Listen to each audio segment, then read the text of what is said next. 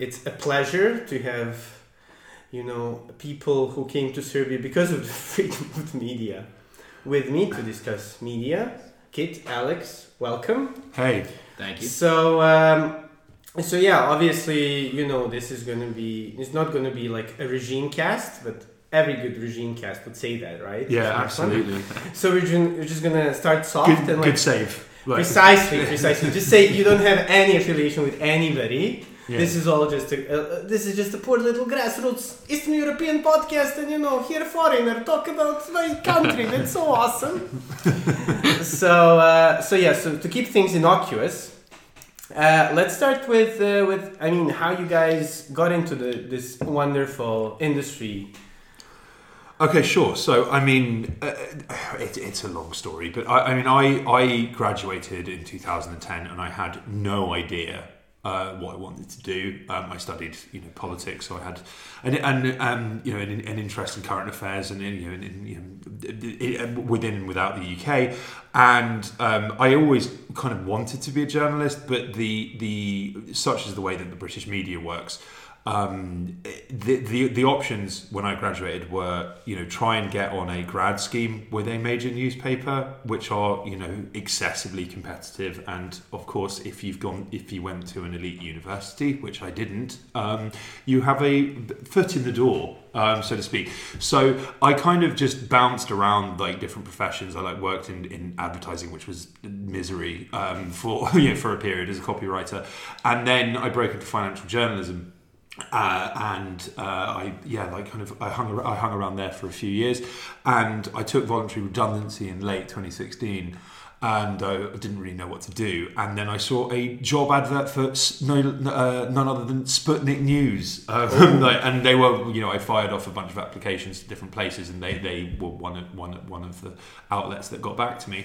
And I just started, um, uh, I, I- I started there, and I quickly found because it was incredibly badly run and like you know by people who uh, didn't really know what they were doing had no background in journalism and in many cases didn't really speak english. Uh, i just used i kind of exploited um, the ineptitude to just write about what i wanted to write about. Um, and then that was very quickly stuff like the spy cop scandal where it, it was revealed in 2010 that uh, British undercover cops had since 1968 embedded for years at a time with activist groups, and in you know in the process they had committed crimes and you know often um, uh, deceived women into romantic relationships and that sort of thing. And like this is also the kind of this was the period where they launched the British government launched what's known as the Undercover Policing Inquiry, the UCPI, and it started uh, they started releasing um, uh, internal police files, which was you know, quite a, a rich um, uh, uh, uh, reservoir of of, um, of of primary source evidence, which was you know that's, kind of you know what what I rely upon in my reporting, and then we fast forward two years to the end of 2018, and then some uh, uh, internal documents related to the workings of Integrity Initiative, which is a uh, Foreign Office funded black propaganda operation to spread fake, uh, damaging fake news about Russia started leaking online, and I think that was. Um, I, you know, had it was it, it, again an, an, an amazingly rich uh, resource, and I had all of the files printed off, and I used them as wallpaper, um, and and got to know them inside out. And I think that was when I actually started to get noticed, and you know, here we are today. Okay. And I'm doing, you know, much the same thing, reporting on um, the impact of intelligence services on politics and perceptions globally. It's quite a, a quite a quite a story and a lot of a lot of stuff to like unpack. there. Yes. But uh, but maybe Alex, it, wa- was your sort of trajectory similar or? Um, Um, not not super similar. In some ways, similar. Uh, speaking of regime media, uh, but I I was uh, you know young man, maybe 22 years old, living in New York City, and that was around 2014, uh, the year that uh, was was the first year of the Black Lives Matter protests uh, against police killing of black men uh, in New York. They uh, they they put a man by the name of Eric Garner in a chokehold for the crime of selling untaxed cigarettes on the corner of the street. Um, they killed him. So there were all these protests that were just taking over the city, and I started going to these protests, I started seeing at first as an activist, you know, as a protester, and I started seeing uh, in the in the papers the, the, the lies that were being told about uh, the things that I was witnessing firsthand. Um, and I kind of saw the uh, internal war that was being waged on uh, not just protesters, but uh, legal observers and the, the media war that coincided with that.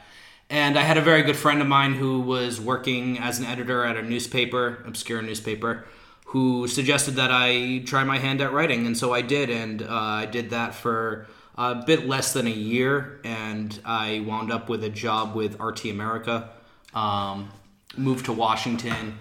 And uh, for the better part of maybe five years or so, I was mostly doing coverage, in person coverage of protests um, but also you know writing about uh, police brutality and uh, the condition inside of American prisons and interviewing prisoners and stuff. But I sort of swapped to uh, investigative journalism um, and, and no longer really do protest reporting. But a good example of a bridge that that I crossed in in that process was um, one protest, which was uh, it was every night outside of the White House after Trump's meeting with Vladimir Putin in Helsinki, Finland, um, where they were calling him uh, treasonous and they were having celebrities uh, come in and give speeches. And it was all organized by a uh, Ukrainian nationalist guy by the name of uh, Adam Parkhomenko. He was a former staffer for, for Hillary Clinton and lived in New York City, but on the weekends he would drive to DC to work as a volunteer police officer. So, um, in the process of going to these uh, absurd, uh, really circus of a protest outside the White House for, for, because they were every night for, for months, I started investigating, and that was really how I moved to investigative reporting.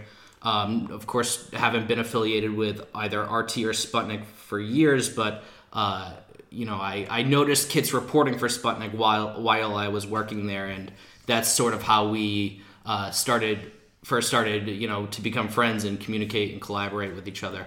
Um, today, I work for, as Kit does, we both work for the Grayzone. We've been scooped up, and uh, we're allowed to do um, the kind of uh, deep dives and, and hard hitting uh, reporting that the Grayzone does, and which is un, unrivaled. Yeah, and of course, I mean, very very beloved with with a lot of Serbian audience. But oh, yeah. um, the most obvious question, right? I mean, uh, Russia is far from, let's say, you know, a beacon of democracy. Yes. There are a lot of uh, problems. I mean, corruption is the, the least of them. You know, there's yeah. certain muzzling of people. Uh, mm. There were murders of journalists uh, grave, you know, uh, suppressions of different sorts of protests, dissidents, all of that, and and yeah, and I mean, you know, and and much like you know the okay, there's the RT, much like CNN, you know, kind of mm. does the the same thing, you know, kind of uh, reporting on stuff that's that's bad in you know, for example, Russia, but not report mm. about things that's yeah. that bad about the US or in a certain way. Like, how did you? I mean, how did you kind of like uh, find your your spot? Because you know, you, you obviously know that some of the stuff will be you know used for sort of internal Russian purposes of saying, oh, you know, West is so sure. bad, evil, and corrupt, and you know, we're the beacons of of democracy. Yeah, I mean, it's, it's, it's, a difficult question. I mean, I think that the, the, the, my, my experience was, and I mean, at, at, at, RT, I actually managed to you know write some stories which were very critical of Russia. Um, but you know, I mean, I guess that there is a there's, there's still a kind of degree of control there. I mean, my my the way that I rationalised it to myself, um, the way that I you know kind of managed to sleep like beyond you know handfuls of, of pills was um, the fact that uh, you know in journalism your options are extremely limited. Like, and I I know several very very talented. Um, uh, journalists in the UK who are you know very scrupulous and very honest, and they they are you know, politically, from a personal perspective, they are dissidents and they are stuck behind desks in the offices of the Mail Online and the Daily Star, like some of you know the worst media outlets in the entire world. Mail is fine, but anyway, yeah, yeah, yeah, yeah, yeah, But but you know they are they are they are stuck you know churning out endless stories, rewriting press releases, re- rewriting you know wire copy.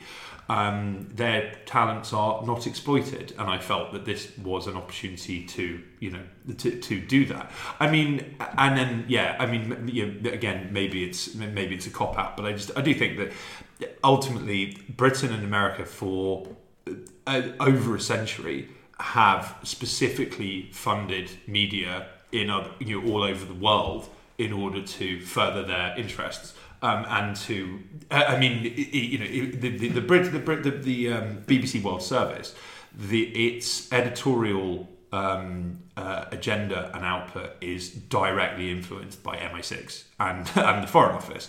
And if you look at um, uh, any major defence review within in the UK of, of you know, Britain's defence capabilities, there's always a section on the BBC. Uh, which should tell you something about how it is viewed. It is a weapon, like you know, and so I mean, it, it, it, perhaps it doesn't make it okay if other countries do it, but I mean that level of control I never saw. And as I say, I mean, in many cases, it was actually quite badly run, and we were given kind of pretty much free reign to do whatever we wanted. Mm-hmm. And I think that, yeah, that, I mean, uh, you know, I ended up working on sort of particularly stuff like Integrity Initiative. Um, I mean, this is you know, this is uh, uh, something even more to unpack, but like, I had friends who worked for mainstream publications in the UK who were extremely envious of the fact that I got to do this stuff. And in, in several cases, I worked on stories that they themselves had pitched to their editors, and their response was no way. Um, a, a, good friend of mine, Tareq Haddad, uh, he was working for Newsweek, and when the the organisation for the prohibition of chemical weapons leaks um, uh, were disclosed in, I think it was late 2019, wasn't it? Sounds right. Yeah, yeah, yeah. The, the, and it, it, the, these were do- internal documents showing that um, a the April 20, 2018 chemical weapons attack in Douma, Syria.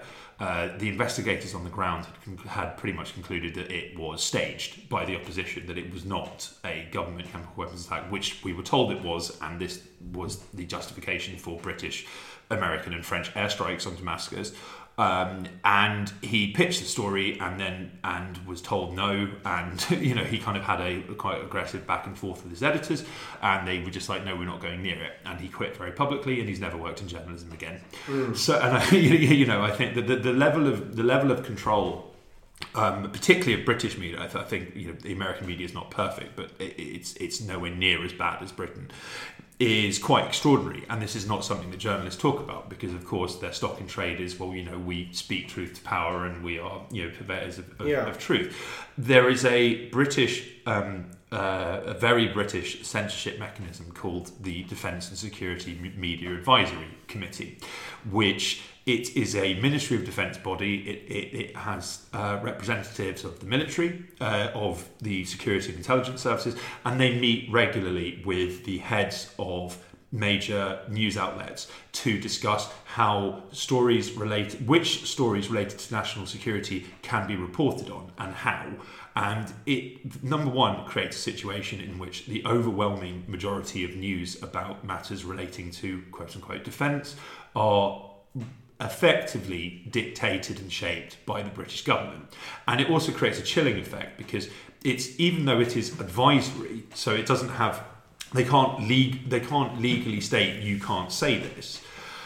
Um, journalists know that their access to off-record briefings, exclusives, even interviews or quotes from the press office are dependent on them playing ball. And of course, there's there is legislation like the Official Secrets Act and indeed the National Security Act, which has just come into power and is absolutely terrifying which, um, which serve as a disincentive because yes, we'll, we'll, ignore the DSMA, but then all will get prosecuted under these laws, mm. and it has an enormous influence on what people are allowed to know. To give you two examples, in I think it was 2010 when when WikiLeaks and the Guardian and a number of other newspapers were publishing the the, the cable archive, the DSMA wrote to editors basically saying if you cover this stuff, you will have blood on your hands because it will put British officials abroad at risk and then the entire media ignored it in the UK. And it was exactly the same with Snowden. That, that when the Guardian went into business for itself and, and published Edward Snowden's leaks on the NSA and GCHQ, without consulting this body.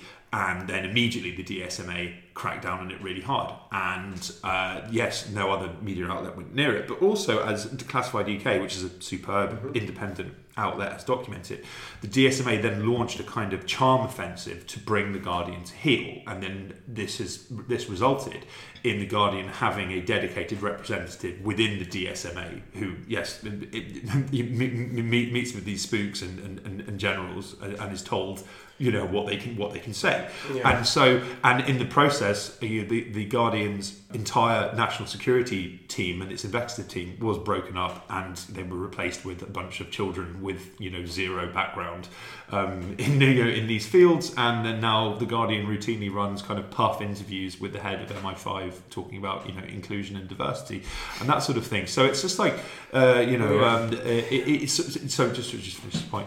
So i think that yeah that, that is uh, you know, an immensely powerful mechanism of, of dictating what can and can't be said in the British media. And again, as I say, I never encountered anything like that um, in my time working for you know Artios. But, yeah.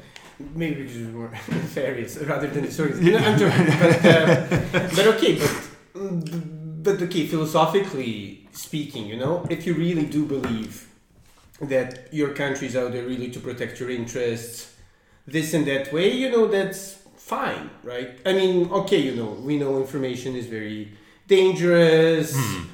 You know, people, bad people run all around, but um, but yeah, but I think you know, ultimately, if you do think it, it is making your life safer, why not accept all of this? Um, you know, protection that your country offers through through its media and you know the various operations. Right, but you know. Th- I, would like to speak to kind of a, a, approach that I set for myself uh, in in covering Syria because you talk about this idea that uh, the actions of the U.S. or U.K. government are uh, in service of the protection of their their citizens.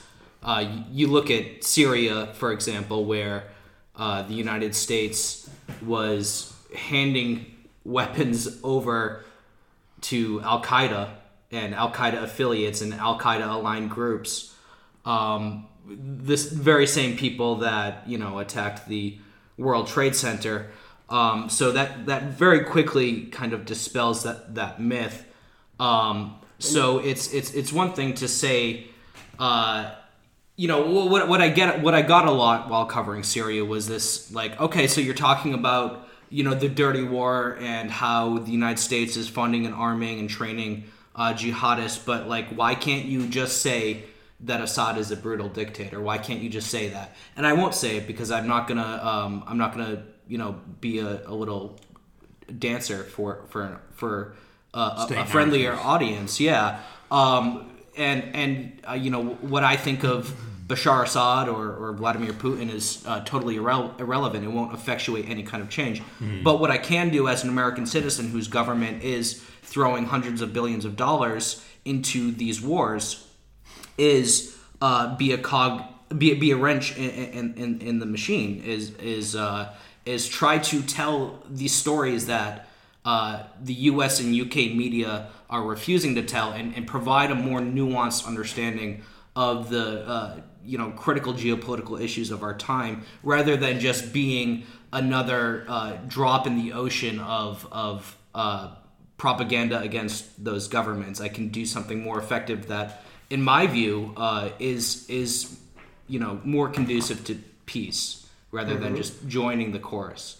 Yeah, and I mean, there's always right. I mean, even in these questions, like a certain level of you know whataboutism, which is sort of a beloved mm, right. term, you know, where um, where a lot of the critics of Western, I think it was initially American foreign policy, would say, yeah, but you know, the USSR is doing many bad things, you know, like what's the what's I mean, or rather it was the other, yeah, way, the other around. way around. Yeah, I mean, I, think, then, I, I, I, think that the, the one that one of the things that I've, I've noted is this inverse whataboutery, which I think yeah. is very much reinforced by yeah, as Alex talks about this kind of this wall of noise, where it's like the, the I mean, if you look at like like pretty much any BBC coverage, for instance, of like foreign countries, it's all about how awful they are and the underlying the underlying implication is well things might be bad here but you know at least we're not Russia and China Or and Serbia. just- yeah, yeah, or, or, or indeed Serbia um, and yeah I mean I, I remember very I mean I'm, I'm old enough to remember the the uh, the humanitarian um, NATO bombing of um, Yugoslavia and all of the you know the demonization of um, Serbs at the time and you know which endures to this day. When I very when I came here for the first time friends and relatives of mine uh, were worried that were worried about my safety and you know asking me aren't they very violent dangerous people? And that sort of thing. Well, I mean yes, of course, absolutely absolutely. No, but it just I th- but yeah so I think that yeah, the, the there is an inverse whataboutery where it's like, well, you can point to all of the, the these things that the West is doing, and then it's like, oh well, yes, but we're not North Korea, so. And it's like, and I think that, it, that there's something really insidious here because that narrative allows Western governments to do, engage in all sorts of you know, horrific acts and criminality and then at the end of the day they still have some kind of degree of defense for it oh, and it's like and you know I'm, I'm frequently asked why do you not talk about Russia why are you not condemning this and it's like well you know or was- about Serbia and like various problems. well, yeah. I mean, I was born. I, I mean, I was born in London. I lived there for thirty years, which is you know a lot longer than anyone should live in that city. But the, the, but the, the, the, uh, you know, um, I still have a British passport. Why would I? Be criticising a foreign government over which I have zero control or zero ability to affect change. Uh, you know, it just doesn't make it doesn't make any sense to me. Yeah. but do you also think that, like in the past, whatever, 12, 13 years since, you know, Yeah. we both graduated around the same time, I think there's a huge shift in the media, right? Where, you know, in 2010 or okay, 2008 maybe, you know, you could still read like puff pieces in the FT about Libya or Syria Yes. and it, was more openness about you know the war in, the war in Iraq, the war Yeah. on terror. Whereas now, I think in a lot of ways, the you know reading the FT in a lot of Western press, it's really you know jingo in a sense. You know, there's the It's- good guys, there's the bad yeah. guys, and it's very simplified. There's very little Yeah. nuance. Yeah. Do you think that that changed, or is it just us growing up? and- I mean, I do think there's an element of that, but I mean, I, I do think that it, it, it, the media now is remarkably bad. You know, I mean, I, I, I um, you know, I, I read you know Noam Chomsky and you know the propaganda model when I was at university, and so I already went into the media with a high degree of cynicism, and that was not only amply confirmed, but it, it, it, you know, my I was made consider yes, ex- greatly exceeded by my experience. Like when I was a financial journalist, I would be asked to you know rewrite bullshit press releases or you know reports published by some um, you know bank uh, or, or financial institution which was quite clearly ultimately concerned with furthering their interests. And I was you know frequently asked to write things which I knew or at least suspected weren't true uh, because you know you can't piss off the advertisers blah blah blah blah blah. Like you know and and, and I think yes that since the financial crisis you know it media is no longer um, profitable. Like I mean it's you know we're definitely in the wrong game like if we we're, we're like it, it, it,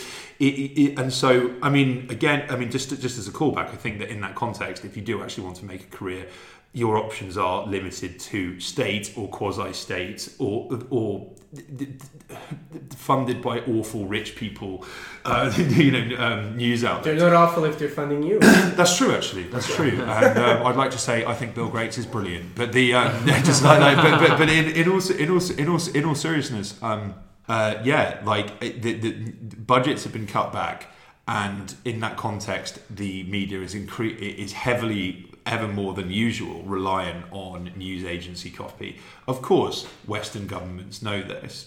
Of course, they have you know intimate relationships with Reuters and AP, and they are, are have well they've done it for decades, but this has just gone into hyperdrive now. They they are very effective at seeding particular stories and perspectives and angles or you know, distortions in the media because if you can feed it into a press agency now or a new you know newswire, then you have countless publications around the world which are going to report on it uncritically and just amplify it. So uh, it's- I, I mean, so- the, and, and like the a, a great example of how just how dangerous that model is would be the Associated Press reporting that Russia had struck Poland. Uh, yes. which turned out to be completely, Completely untrue. Uh, uh, yet another lie from Zelensky, and and instead of uh, outing the the intelligence source or the U.S. government source that had fed them that story, they fired the journalist who, you know, Yes. Was was was just being you know putting out it's what he was just doing what all his colleagues do every day which is uncritically regurgitating whatever the US government was telling them. I mean but that that, that was a s- that was a, a fake news story that had That was the potential to, to, to yeah. spark World War 3 Yeah, but uh, but also I think what, what what was also funny is that sort of in the early 2010s, you know, there's this sort of like optimism of these like small, you know, news or or rather like media orgs such as you know Vice, Vox. Okay, hearing to different audiences. It was very vibrant. Places like the Grayzone would be hailed as like a cool, you know, entrepreneurial idea. Whereas still now, either Right. Either if you have this sort of org, you're either uh, told that you're basically paid by X, Y, or Z, or uh, you get co-opted and, and die. Like for example, Vice. You know, and they're like, was it Yeah. HBO and then CNN tie up and whatever. Yes, now that now now they're being bought by Soros. But um, interestingly, but I mean, I think yeah, the the, the I mean, I, the, the, one of the things I found really interesting as well was that when I first broke into journalism, the the entire doctrine was we live in the age of ADHD, and all of these stories, all of your stories should be like hundred words long, and you need to focus on clickbait, clickbait, clickbait, and the publications that didn't do this have flourished, and then yes, the publications that relied heavily on this are now dying, which should tell you that there is a market for quality, um, uh, you know, investigative, serious journalist work. I mean, like the New Yorker, which does on occasion publish some really good stuff. Like they, they have articles which are up to ten thousand words long, you know, and I think that. It, it, it, in if you're trying to corner the ADHD market, well, there's TikTok now, so that's just it's just done. And I, I, I also on more of an industrial point, I think that in that Vice, I could see it very clearly. You know, ten years ago when when they were valued in the billions, what they were doing was they were trading off their brand name, and um, so they would, you know, give say a doc in a documentarian in Serbia, for instance, a what to them was a tiny bit of money, like you know, a few grand. And then they would get exclusive rights to their work and slap their logo on it, and then that becomes like a Vice, you know, product Yeah. and whatnot.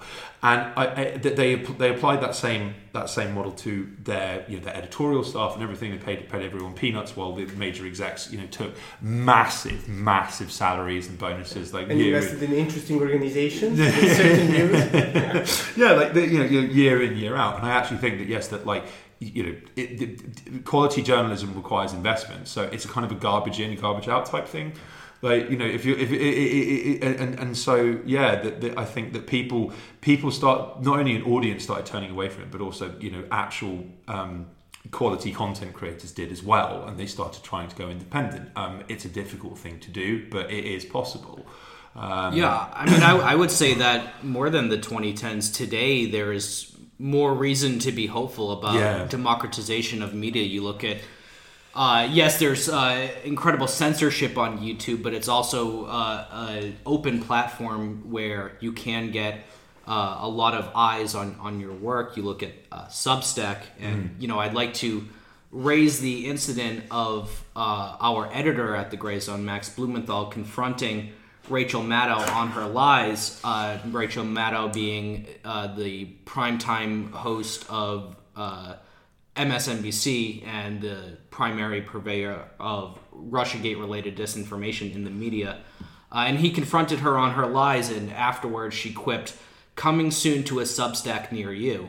So what what does that show? It shows the contempt that these kind of elite media class people have towards uh, the very idea of uh, information becoming more democratized. And you know, I, I do think that uh, a, a very good reason that people have stopped turning to places like Vice or BuzzFeed or these smaller scale uh, journalistic outlets is because there's even smaller ones that have even more freedom in, in their expression on Substack, on Rumble, on all these other uh, platforms that are uh, catered towards um, making it financially possible for uh, people, for journalists to exist independently. Yeah, Yeah. and I think I think I think just just to add to this, I I, th- I think that again going back to that kind of institutional profit model, Um, I, irritatingly, the name escapes me now, but there's a there's a media conglomerate that owns like the Onion and AV Club and all this other the, these other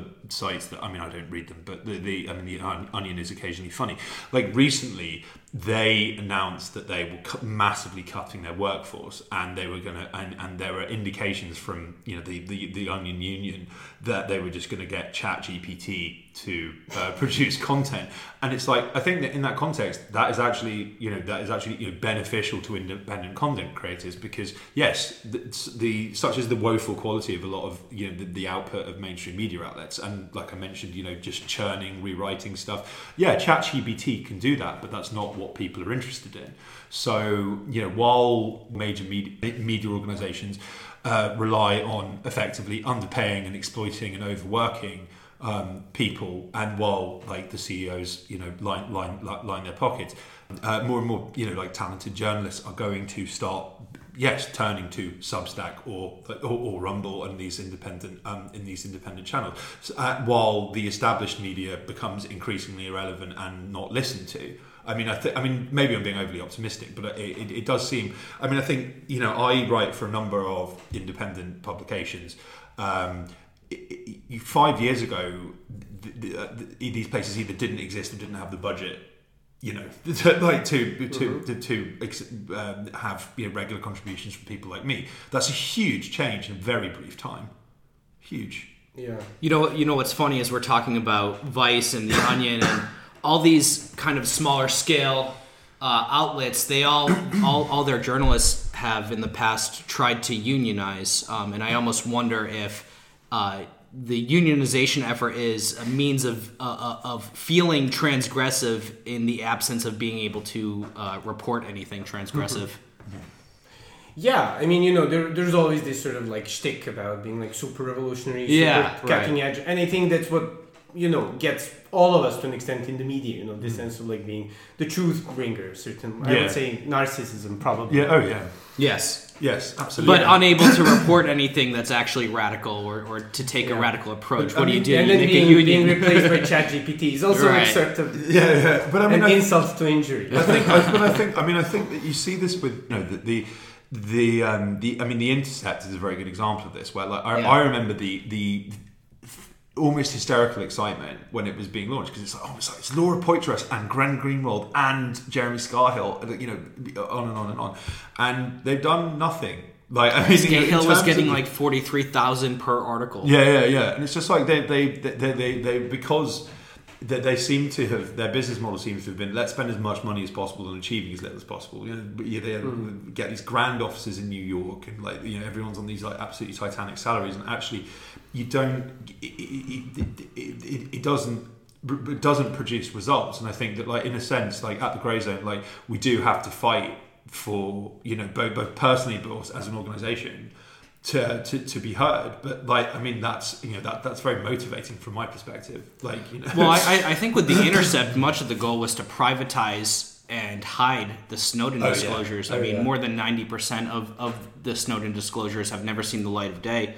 You had five years after uh, the Intercept had the document, five years after the start of the war in Syria, uh, the Intercept coming out with Snowden disclosures showing that uh, Saudi Arabia had ordered jihadist rebels to quote light up Damascus on the eve of, of, of the war breaking out, but that of course like coming out past the point where it would, would have been, been useful, impactful. yeah. Yeah.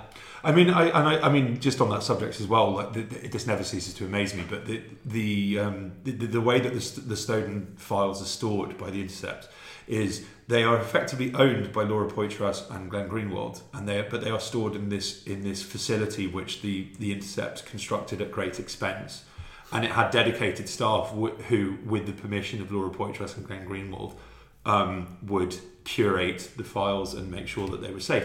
Why not put them on the internet? Why? Like you know, and it just it Hashtag just- release the leaks. yeah, yeah, and it's just, and I think that, it, that Well, there's, okay, there's security just- reasons, but yeah, but it's just, I just think that it just, it's just a key demonstration of the fact that yes, that you know, as Alex says, I think that the, the media more generally serves to act as a, a gatekeeper of information in the internet age. It has been severely damaged. I mean, you know that that that power has been severely damaged. Uh, the, interestingly, in if you look at a lot of the records of I mentioned the DSMA committee, they explicitly talk about how well the internet means that you know in the past we could just censor and you know stuff just wouldn't get out like but, but now in the internet age if some if somewhere in Australia or you know any other country reports on something we don't want of course we don't we, we can't do anything about that and they are like tearing their hair out about like trying to work out how to do this and it's like it's quite remarkable that you know the journalists are actively assisting them saying well you know you, proposing ways to limit the exposure of inconvenient truths and, and, and, damaging revelations from the government's perspective overseas. It's just like that. I, I, I, that kind of mindset is completely extraordinary.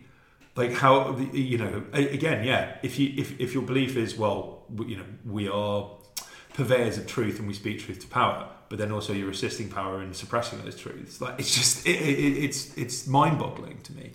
Yeah, it's quite a quite interesting. Do you think actually in this whole sort of game that I guess governments, journalists play with the with the public, there's also a big sociological component component because for example, I think Serbia is even notoriously and you know comedically loves conspiracies. I, mean conspiracy theories, well, but like kind of the way the way we think, right? But when you very sort of oh, you know, obviously everybody's lying to you. There's something deeper, and you know, and that kind of leads to various things. I think to I think good skepticism about mm-hmm. power and mm-hmm. motivations of people, and then on the other hand, you know, you have uh, dubious historical theories and oh you know this certain nation is plotting against all of us and you know it kind of goes both ways whereas mm. you know being in the uk okay hanging out with my circle of friends i think there's a certain higher trust in the system and and also I think also certain reluctance of like you know kind of saying things that are just a bit off. Yeah, I mean, well, I think. So, sorry, just really quickly. I mean, I think that's one of the things that I, I, I think is is is valuable about that perspective in Serbia, is that uh, it, it's extremely rare to like to come across that level of skepticism or I mean I wouldn't call it paranoia but like cynicism about the government and its motives in a lot of uh, the Western world.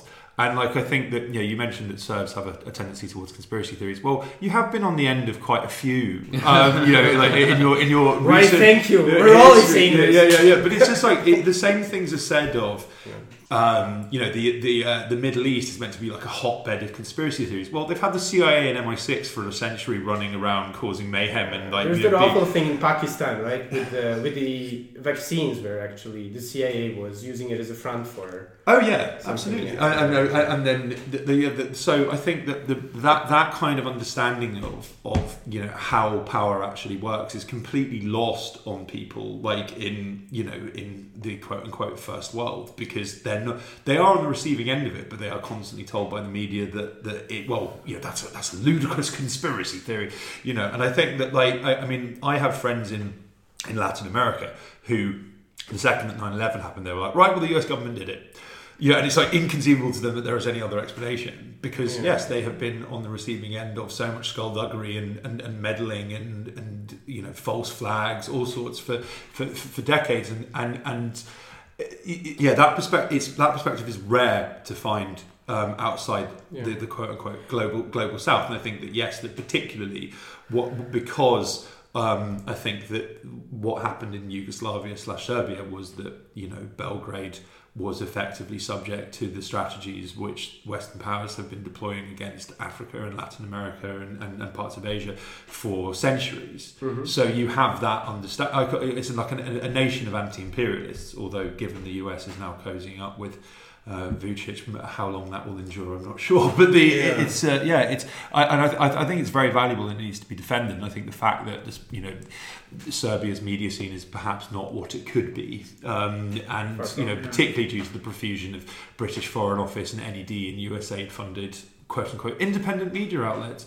Um, and you know, uh, Radio Free Europe is a, a, a place that a lot. Yeah, but now we've got RT and Sputnik as well. So oh, yeah. yes. Well, uh, we're just being disinformed much, from all. Uh, yeah, you're, well, yeah, I was going to say, and then you have RT and Sputnik, which is, I mean, Sputnik output here is like you know particularly bad. Um, I would say, um, but the but yeah, the uh, as from what I've from what li- few things I've seen, but um, yeah, the, the, the, despite the fact that the media scene is is yes not what it could be, perhaps they're like people are incredibly clued up and smart, and they don't they absolutely would never say, oh well, I saw this on the on RT or I saw this on Voice of America, therefore it's true. Whereas, like you will find a large number of, I would say probably the majority of people in Britain who will take the word of the BBC as gospel, and the mere fact that the BBC reported on something will be seen as a as proof that that something is true. Yeah, which then you know begs the question of why, if you're so you know cynical and skeptical, why do you even follow media? Which for me, I think is is probably because it's all ultimately entertainment, and I think we all Yeah. consume it. Yeah. Well, I mean, I mean, if, if I can speak to this a little bit, uh, my my country, we had the uh, quote unquote uh, Chinese spy balloon that dominated the news for uh, a, a, a month uh, or half a month uh, in in the United States. You had average Americans turning into uh, Rambo, ready to shoot it down, um, and you know, just recently it came out that the Pentagon said that there there was no spying being done by that balloon. It was just a weather balloon that went astray, which was what uh, was um, said by the Chinese at the time. The U.S. that Because that, that's that, what they want you to do. that that balloon that balloon caused Joe Biden to declare Xi Jinping a dictator. That caused Tony Blinken to cancel his diplomatic trip to China. But really, the effect of it was it it, it, it was a fantastic sideshow uh, for two weeks. Um, you had the Titan submersible that went down recently,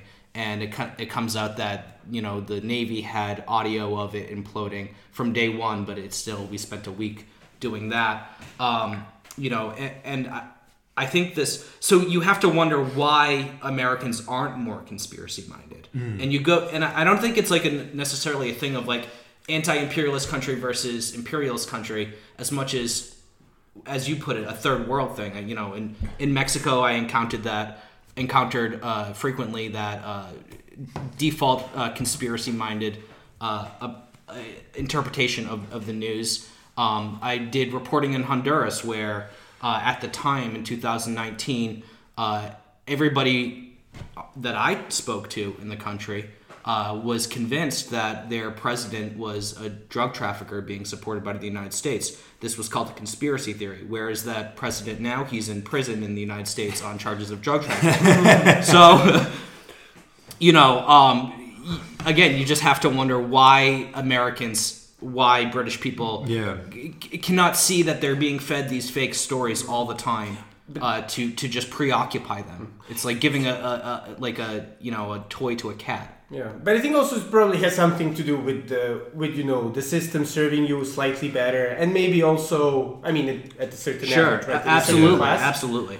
And then secondly, Yeah. probably also you know it not being worth to like mouth off your conspiracy theory with the risk of losing your job. Like there's more hmm. of a sort of social. Yeah.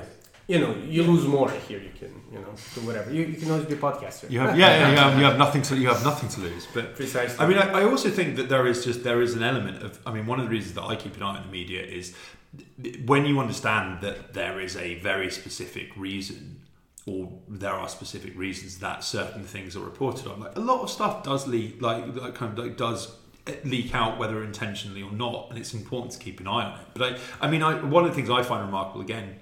I'm going to just totally agree with what Alex just said.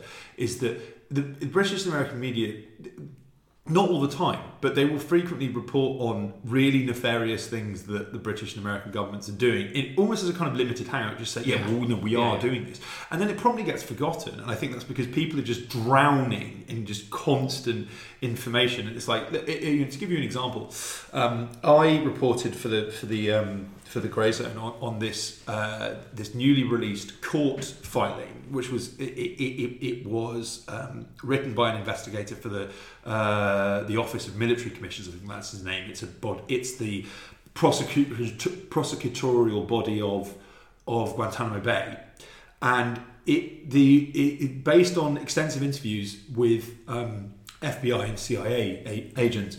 It, it concluded that it was extremely likely that two of the 9/11 hijackers had been recruited by the CIA, and like it, this got this got zero pickup like in the media. Um, by contrast, the, you know, I think that was one of the most read Grayzone articles in history. And you know, suddenly I've got all of these truthers from all over the world reaching out to me saying, like, "Thank you for," you know, blah blah blah blah. But the point is, is that actually a lot of elements of the of the of the filing had been in the public do- domain, at least, uh, you know, for, for a very long time. Like Richard Clarke, who was the head of um, you know, terrorism specialist for the Clinton and Bush governments had explicitly said exactly the same thing and had detailed why he thought this, like, you know, over 10 years ago, I think. And it's just like how people have been like, oh, right, and they just moved on. Like, you know, I mean, it's, you know, that's pretty significant. Yeah, but isn't it an interesting insight into the, the human psyche and social psyche? How basically, you know, as, as Melania Trump put it with her wonderful quote, you know, we actually don't really care. Right. I mean, you know, no matter how big a revelation, if it doesn't really affect you, Right. and and okay, and from this like hyper cynical point, why are you guys in this like dirt? I mean, dirtiest is in like the most difficult business of investigative journalism. What? Well, well I, I mean, it does affect because the point is to show how it does affect people. I mean, Yeah. to again go back to the issue of U.S. and drug trafficking. Uh, you look at Afghanistan, where the American taxpayers footed billions of dollars towards counter narcotics programs in Afghanistan over the course of the 20-year occupation. Uh, and prior to the invasion, the Taliban had, you know, uh, banned the production of, of pop the, the uh, of opium and then the US comes in invades and puts billions of dollars towards towards counter narcotics narcotics skyrocket US leaves and all of a sudden the Taliban rebans it production comes to a halt and uh, in 6 months time the uh, opium the global opium supply will, will, will, will be very much different from what it is today. Um, but this is an issue. It is an issue that affects um, uh, American taxpayers. I mean, we, we, we, we have no uh, social safety net in, in my country. You have a medical emergency and your life is ruined. Well, Uh, your, most- your healthcare but- system is GoFundMe. what is it? Fi- you're right. Fifty percent of Americans can't afford a four hundred dollar emergency. So But precisely, Alex. By but you know, Taliban having cut all of this opium production, not only have they hurt like small farmers in Afghanistan, but they've also destroyed this amazing jobs program of trying to stop heroin Yeah, production exactly, in Afghanistan, right, which has right. funded I so many great. It's, it's hurt the it's hurt the CIA budget. I think that's the biggest tragedy. Right. Like, really. Imagine all the consultants. right. yeah. Well, no. I mean, I think. I mean, I, I've actually written about the this. And this, this is. I mean, yeah. You, you do get the sense sometimes that you are, you know, swimming against the tide, and it's like you know, the I the the, the, the Afghan war obviously ended in, in rather spectacular. The occupation ended up in like rather spectacular and abrupt fashion. Um, you know, about a year ago.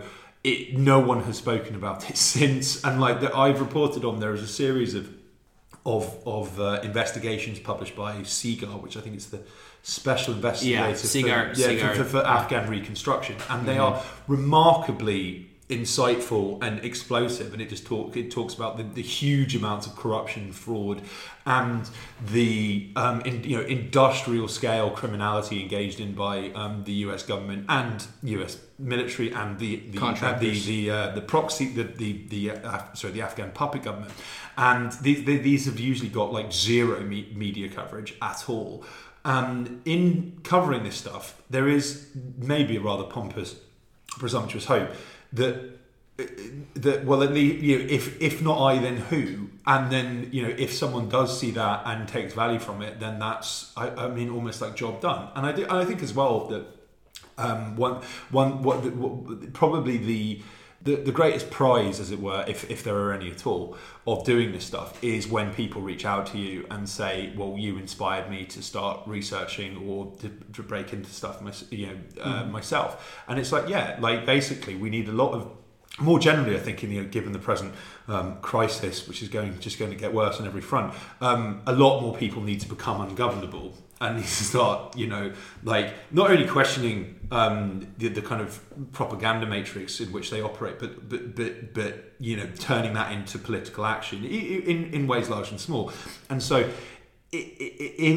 by creating this, this this this body of this body of work, you are effectively providing people with the tools to do this stuff themselves. And I think that yes, that that that, that, that is you know an, an objective. Um, I have greatly enjoyed on the rare occasions I've done it, training people in various different techniques that I use and stuff. And I think that's all you can. Or that we're never ever going to get mainstream awards. We're never ever going to get you know mainstream recognition because it is a system which fundamentally discriminates against us on principle. But if you can achieve that, then I feel that I've actually you know done something. Well, um, like you know, but again, very very pretentious and that. Yeah. not to sound too corny, but you know, really, knowledge is power. I mean, if I yeah. w- one of the most important officials, American officials on Afghanistan, uh, his name is known by I would estimate 0.5 percent of the U.S. population. Guy by the name of Zalmay Khalilzad. He got started under Brzezinski arming the Mujahideen he uh, worked with the Taliban in the early days. He uh, was instrumental in, in the invasion under Bush. Uh, he tried to have himself installed as the unelected ruler of Afghanistan. And what uh, what who, who, was the man leading the negotiations for for the withdrawal with the Taliban under Trump? It was the same guy. Oh, he was, was, involved in Unocal as well, wasn't he? Yeah, he was involved in Unocal, and he uh, and, and, and when Biden came in, he kept him. He kept him mm. in the same position. So this is like, I mean, a, a hugely influ- influential figure in Afghan politics, unknown by virtually anyone. Just complete deep state madness. Uh, that you know, he would have. There, there was no pushback for Biden retaining him. There was no pushback for Trump hiring him. But if I think if Americans had understood who he was or even known his name, uh, we, we, we could have avoided a lot of the issues that we've been facing. Uh, yeah. And then there's there's another thing that's a bit annoying with investigative journalism, especially independent investigative journalism, where you actually do get sort of punished for making like mistakes.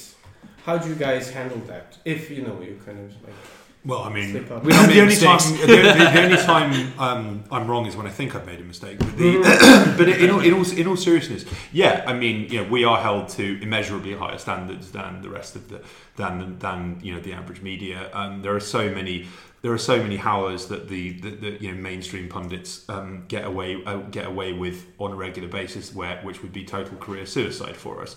Um, I, I, I think that we just need to be extremely careful um, but but also there is a sense of like I think that I mean and Max has been you know very encouraging um, in this regard for me is that like it, it, he he knows that irrespective of, of what we do we're going to be criticized as you know secretly Russian funded. We're not um, that was what I was quizzed about in my counter-terror stop. Um, you know, do you have an agreement with the FSB to publish hack documents? Um, completely ludicrous. No, do it but for like, free. Yeah, no, no, no, no, I, yes, I have it beamed into my head because I'm actually an android created by the KGB. Yeah. But but the um, but in all seriousness, yeah, that like we a be very careful, but b just you know lash back robustly, you know, at, at, at, critics, but also accept that this is just going to be part and parcel of, of what happens, particularly with you know, no doubt state slash deep state supported um, uh, you know, troll battalions like fucking NAFO and the, all these other um, games. Like, like it, it, it, it is it is going to happen. Um, you know,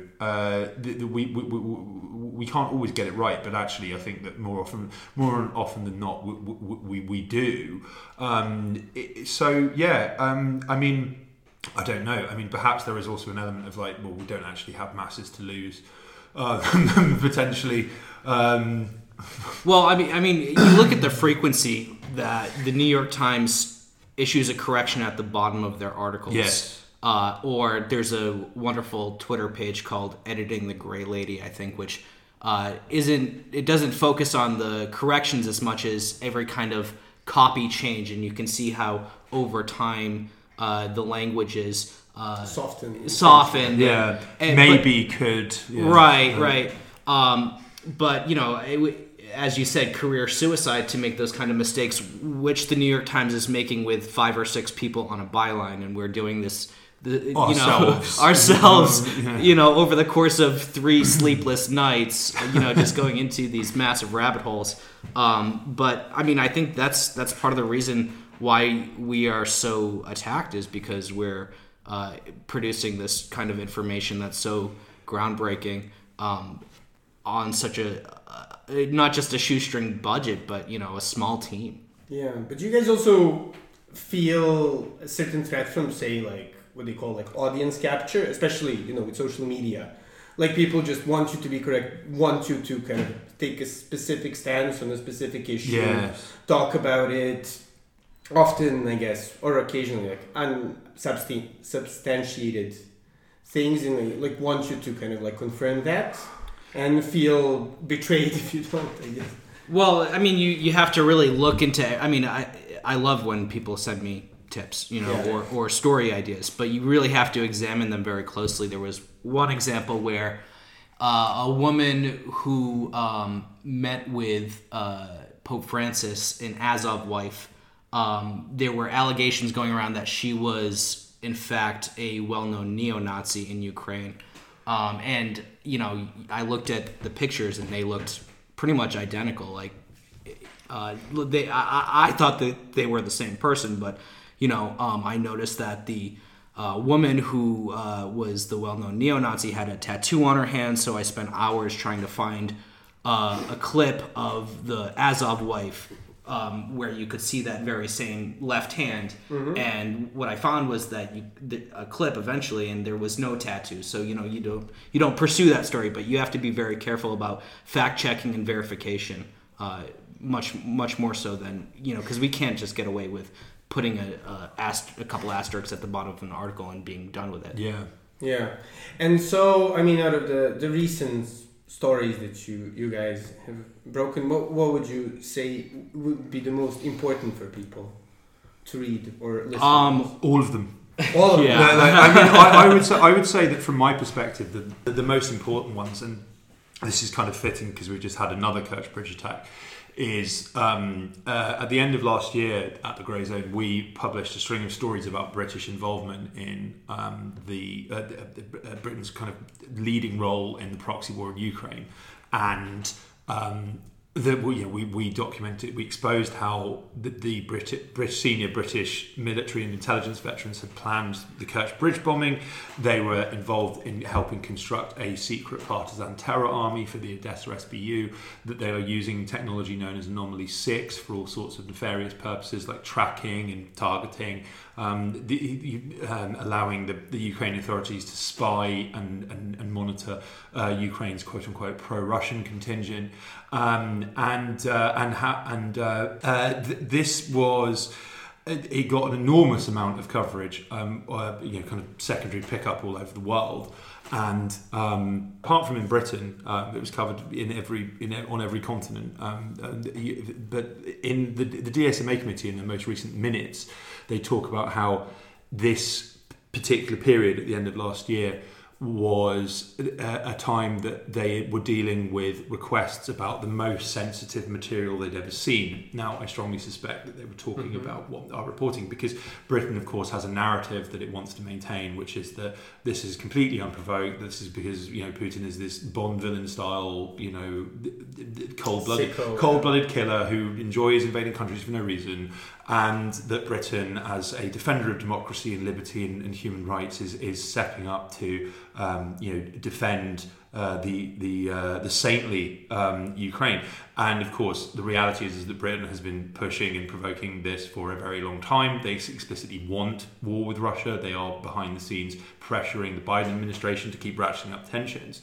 Um, and so I think that, that that's very significant. And yes, as I say, we've just had another Kerch Bridge bombing, which I'm sure the British were involved in. I'd also say a story that I was very happy with, and I think is you know kind of evergreen, is the notion. Uh, it, it covered uh, how several um, neo Nazis who'd gone to fight in Ukraine had been um, arrested upon return to Europe, uh, often with. Um, I think you, you, covered, you France, covered this, right? yeah, France, but you covered this too last year. With I mean, Italy. It's Italy, yeah. Yeah. The, the, the, the people who were tied to far right fascist paramilitary groups and elements in Ukraine, um, which have received funding from Britain and America, were pla- uh, planning um, terror attacks and mass shootings in Europe. And I think that.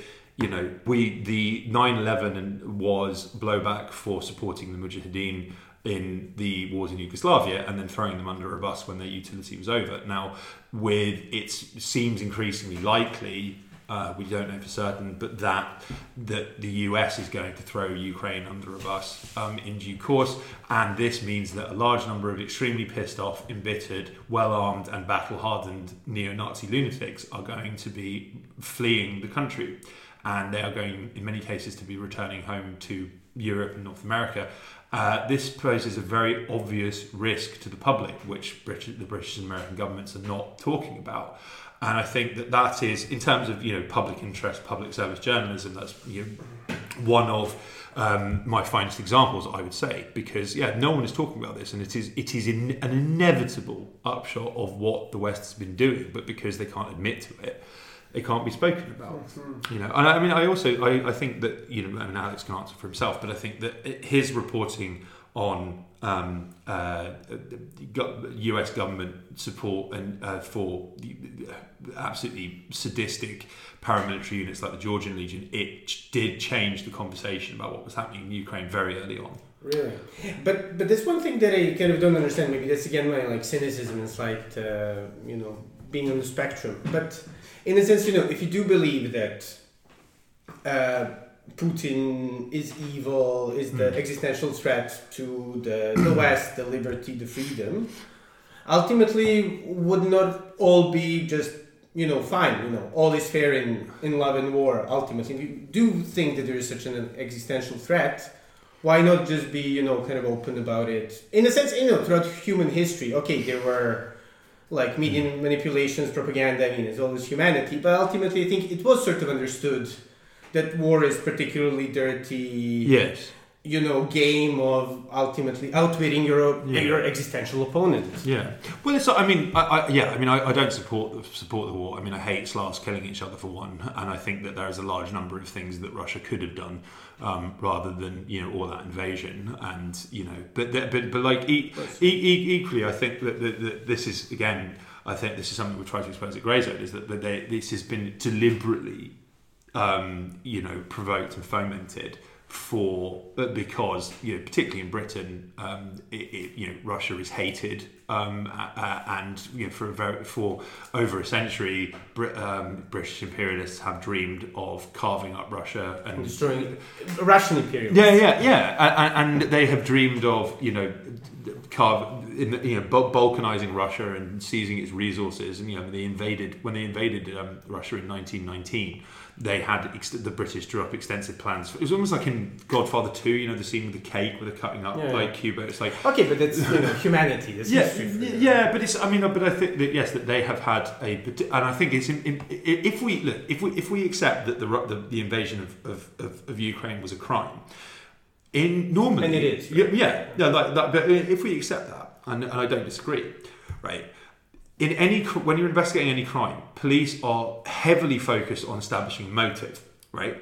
So it's very important to understand how we got here and why rather than oh well yes this just happened be, you know because Russians are evil and you know blah blah. And it's like and it, and it also in the hope that it prevents this happening again. I mean this is what we see the ramping up for war in against China over Taiwan. And indeed there are there have been numerous statements by US officials and reports by RAND which is funded by the Pentagon that, that stating well Ukraine's taking up too much of our time and we need to prepare for war with China funnily enough. The grand chessboard in 20, I think it was late 2016, there was a RAND report which stated, well, in the event of all that war with China, we need to get, we need to be able to neutralize Russia quickly. So therefore, we should post lots of troops in on Russia's borders. This then came to pass a couple of months later, and then now we've just had a, a general, uh, you know, mobilization of of, um, uh, of reservists um, via the Biden administration to get even more American troops there, and it's just like this is world-threatening, you know, civilization, human life-threatening. So, like, I think it's important to try and stop this from happening. Um, and it's better. To, I think it's. I mean, particularly when you know the, the future of mankind is um, at stake. At stake, like it's better to have tried and failed than done nothing. Yeah. I'd like to plug two things. Um, one is an article which I did with Max Blumenthal, March fourth, twenty twenty two. So very quickly after the invasion uh, entitled "How Ukraine's Jewish President Zelensky Made Peace with Neo-Nazi par- Paramilitaries on the Front Lines of War with Russia." And I think it was a very important article because off the bat, all of these outlets, which have been uh, hammering the Azov issue for the past eight years and, and talking about the growing neo-Nazi threat in Ukraine, uh, came out. You know, it was like a switch was flipped, and all of a sudden, uh, it was how could there be a neo-Nazi problem if the country elected a Jewish president? So that investigation shows the nuts and bolts of how. Uh, of the influence of neo Nazis in the military sphere in Ukraine, and I really feel that it gave people the the knowledge to be able to uh, understand the conflict. Um, so that again, I've done a lot of reporting since then, and I, I'm particularly proud of the Georgian Legion stuff. But that initial article was uh, Game changer. Thank you, thank you. Um, and then I would also plug Max Blumenthal's speech at the UN Security Council, which I contributed to, um, which just exposes in over the course of like 13 minutes uh, the intricacies of this Ponzi scheme that's going on, where you have. Uh, the areas around Washington D.C. where the defense contractors and the you know intelligence community live you know the, just getting filthy fucking rich off of this war um, while uh, american taxpayers are you know forced to have blood on their hands because of the use by the Ukrainian government of American made weapons against civilian targets. So it, it, it very clearly and quickly details that scandal, and I, I think that's uh, an important uh, reference point going forward, uh, depending on how, how things uh, play out. Yeah, yeah, yeah. Speaking of the the Azov thing, it reminds me of speaking to to a friend's father, who was very close to one of the Balkan presidents, and then he, you know, he is a man of culture, very like nice, and then he was talking to this future warlord about, well, you know, you know, you have a good idea, but why are you enlisting all these like scum, you know, who are usually like heavily into World War II, you know, uh, insignia. And then he's like, you know, do you expect me to Hindus. Yeah. yeah, do you, ex- do you expect me to fight the war with nuns? And then, and I think like ultimately, you know, it's uh, yeah. There's a very interesting. I think issues about how you know wars and especially unfortunately awful wars are fought. And in a sense, you know, what what standards do we have and how do we enforce Well, them? well, This- well, just as much as Ukraine has uh, lost a lot of innocent young men, conscripts who you know aren't ideological. They probably from, spent spent Yeah. most of their teenage years playing Call of Duty, um, but they've also lost a good number of former. Uh, football hooligans, you know, turn, Yeah. turn neo-Nazi paramilitaries through the Maidan. I, I, I- just, I just, I just, I just think it's extremely. I just think it's extremely tragic. And again, I just, it's, there was a, there was a, our, our friends Vice um, had they the, the pub, released a documentary recently where there was a conscript saying, I think that the government strategy is to genocide um, me, Ukrainian males aged 18 to 30, and like you know, the mainstream media is now picking up on. So there was this absolutely horrendous New York Times article which, in which was talked about how cemeteries are now being expanded at a, Horrific, a- a horrific rate because um, and they're having to dig up graves from you know, 100 years old because people are dying so quickly and it, it, you know it, a there's nothing heroic about any of this but b you know but b like yeah there is a huge human cost here. And the i mean even zelensky himself has said this is not a hollywood movie. And i think a large number of people including yes nafo and also and all of you know people like paul massaro these dickheads um, in the us government who are you know two-fisted tub thumping advocates for more of this they genuinely think that it's like It's that- Lord of the Rings. yeah, yeah, yeah. They think it's Lord of the Rings, and it's, like, and it's like you know, right. people, people, are, lives are being ruined on a daily basis, Yeah. one way or another, and it's just like, why, you know, why do you want more of this? Why can't we stop Yeah. this? To- I think that that's for for Black for BlackRock and, and Monsanto and yeah, yeah. You know. And do you guys think? I mean, I guess so. I guess you, your guys' motivation is that you actually think the world would be a nicer, uh, more peaceful Absolutely. place if there was more truth. Ultimately, Yeah, Yeah. absolutely. Well, I mean, uh, you know, it's like Julian Assange said, like, you know, if, if wars can be started with lies they can be ended with truth. And it's like I do think that yeah, that if you look at uh, you know every and the war in Yugoslavia, the, the bombing campaign against Yugoslavia is a very obvious example. Is it, the, it, it, it was based on lies, and you know in, in the lead up in, in the lead in the lead up to the Iraq War public support for for this was low, and so it was necessary to conduct a wide ranging yeah. propaganda campaign to ramp up the threat and the war propaganda. And it's like I think that yes, again, in the internet age, it's actually e- much easier to present the truth. I mean, whether it's listened to is a different question. But the, the, yeah, that I, I, I, I genuinely do think that if people are equipped with the knowledge and also the tools to seek out, um, you know, in, in, in, in information, um, shit like this would happen a lot less. well, there's a nice T.S. Eliot quote, right, about truth and humanity not being able to stand it much. But, uh, but, but you know, slowly wrapping up. So, how how's your experience of Belgrade? I mean, this is. Um... Oh well, I mean, city of sin. Um, but the, I mean, I think no. I mean, I I came here a number of years ago and I absolutely fell in love with it. Um, and I think I, I, I, love the Serbian people. Um, I feel very at home here um, in every way. I'm working on my Serbian, but the uh, but my Serbski. But but but yeah, I mean, I think it is very very condescendingly a British Foreign Office official commented at the start of the 20th century that Belgrade was a poor man's paradise, and I, I think I mean cutting out the, the not the, no yeah cutting out the cutting out the uh, well indeed uh, but uh, cutting out the Orientalist. Um, uh, uh, uh, to, like tenor of that, that that comment.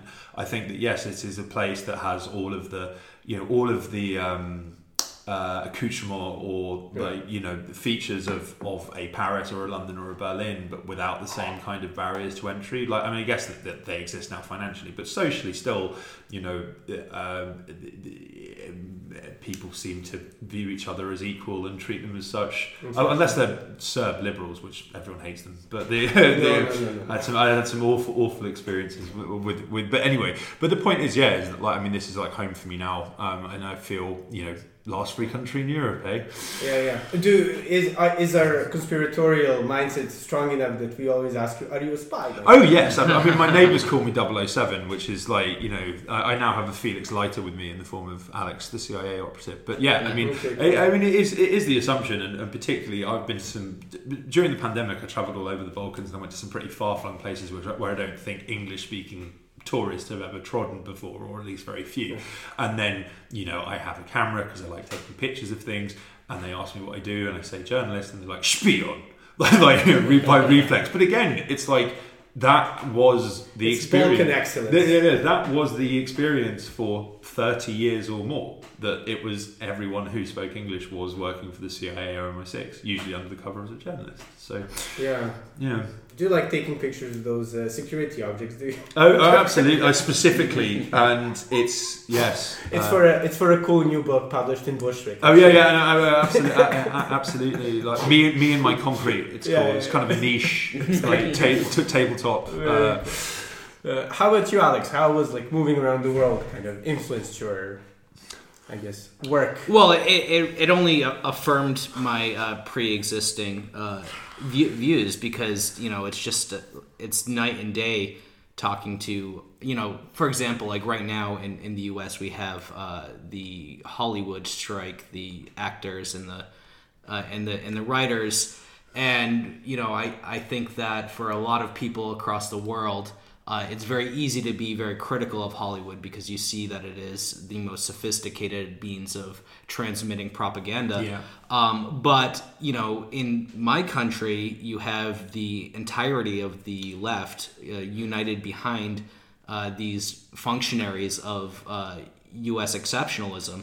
Um, you know, because under the guise of of, of supporting uh, unions and striking workers, but you know, again, uh, I talk to people here and they are very familiar with the AFL-CIO or the AFL-CIA, as we call it, um, and their role in the destabilization of other countries. Um, almost every union in in my country is under the umbrella of the AFL-CIO. So uh, you have um, you have basically a dead labor movement, and if you look at the left and what actually is the common denominator among all factions of it. There's only really two things, and both of them can be summarized as one thing, and that would be identity.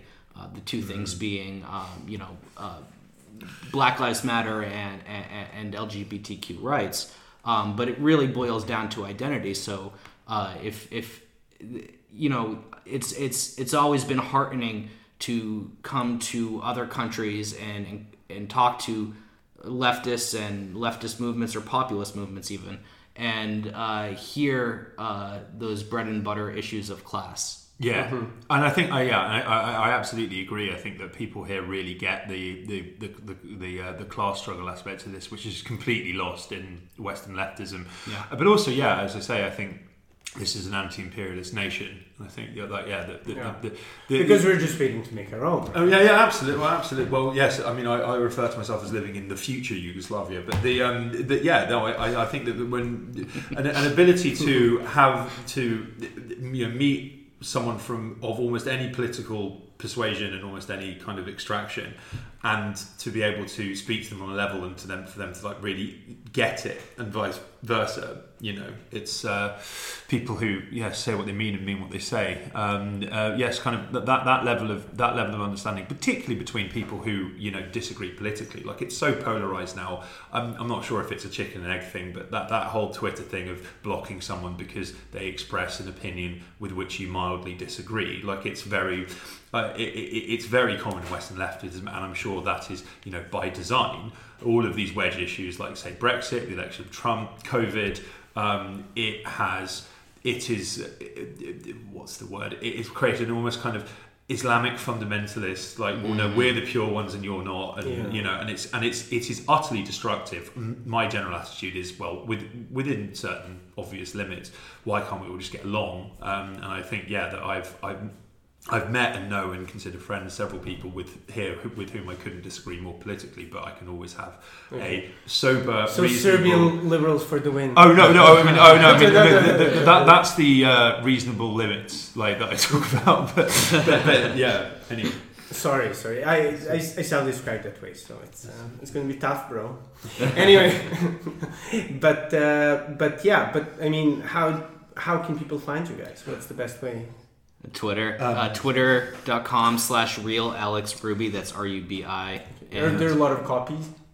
Uh, no, but it, it has a ring to it. So yeah, yeah okay. um, I mean, there's also the the Grayzone symbol that we flash into the sky, like when we're needed. Yeah, you know, the, the, but the, um, but the, in all in all seriousness, you can find uh, me at it's just Kit Klarenberg um, on Twitter, and uh, and I also have a also have a Substack, which is it's free to subscribe to, but you know there are you you you you, you can pay if you wish, and uh, and yes, we are regular contributors to the Grayzone. Yeah, so just us, just read just read everything the Grayzone publishes. You yes. won't regret it, yeah, even if absolutely. it's not by Kit or I. It's it's fantastic work, unraveled. Well, like, no, no, I mean, especially no, especially Kit and I's work. Yeah, but, but it's, it's, no, it's it is all superb, mm-hmm. and I think it's again, you know, the, like it is the one place where you can. Um, uh, you know, re- read yes a, um, a kind of a, a, a, genuinely diverse array of opinions um, and um, um uh, you know, it, it, uh, uh, uncover truths and, and information you won't find anywhere else. Yeah, yeah. I mean, and you know, it's completely different to everything Serbs believe in. Uh, otherwise,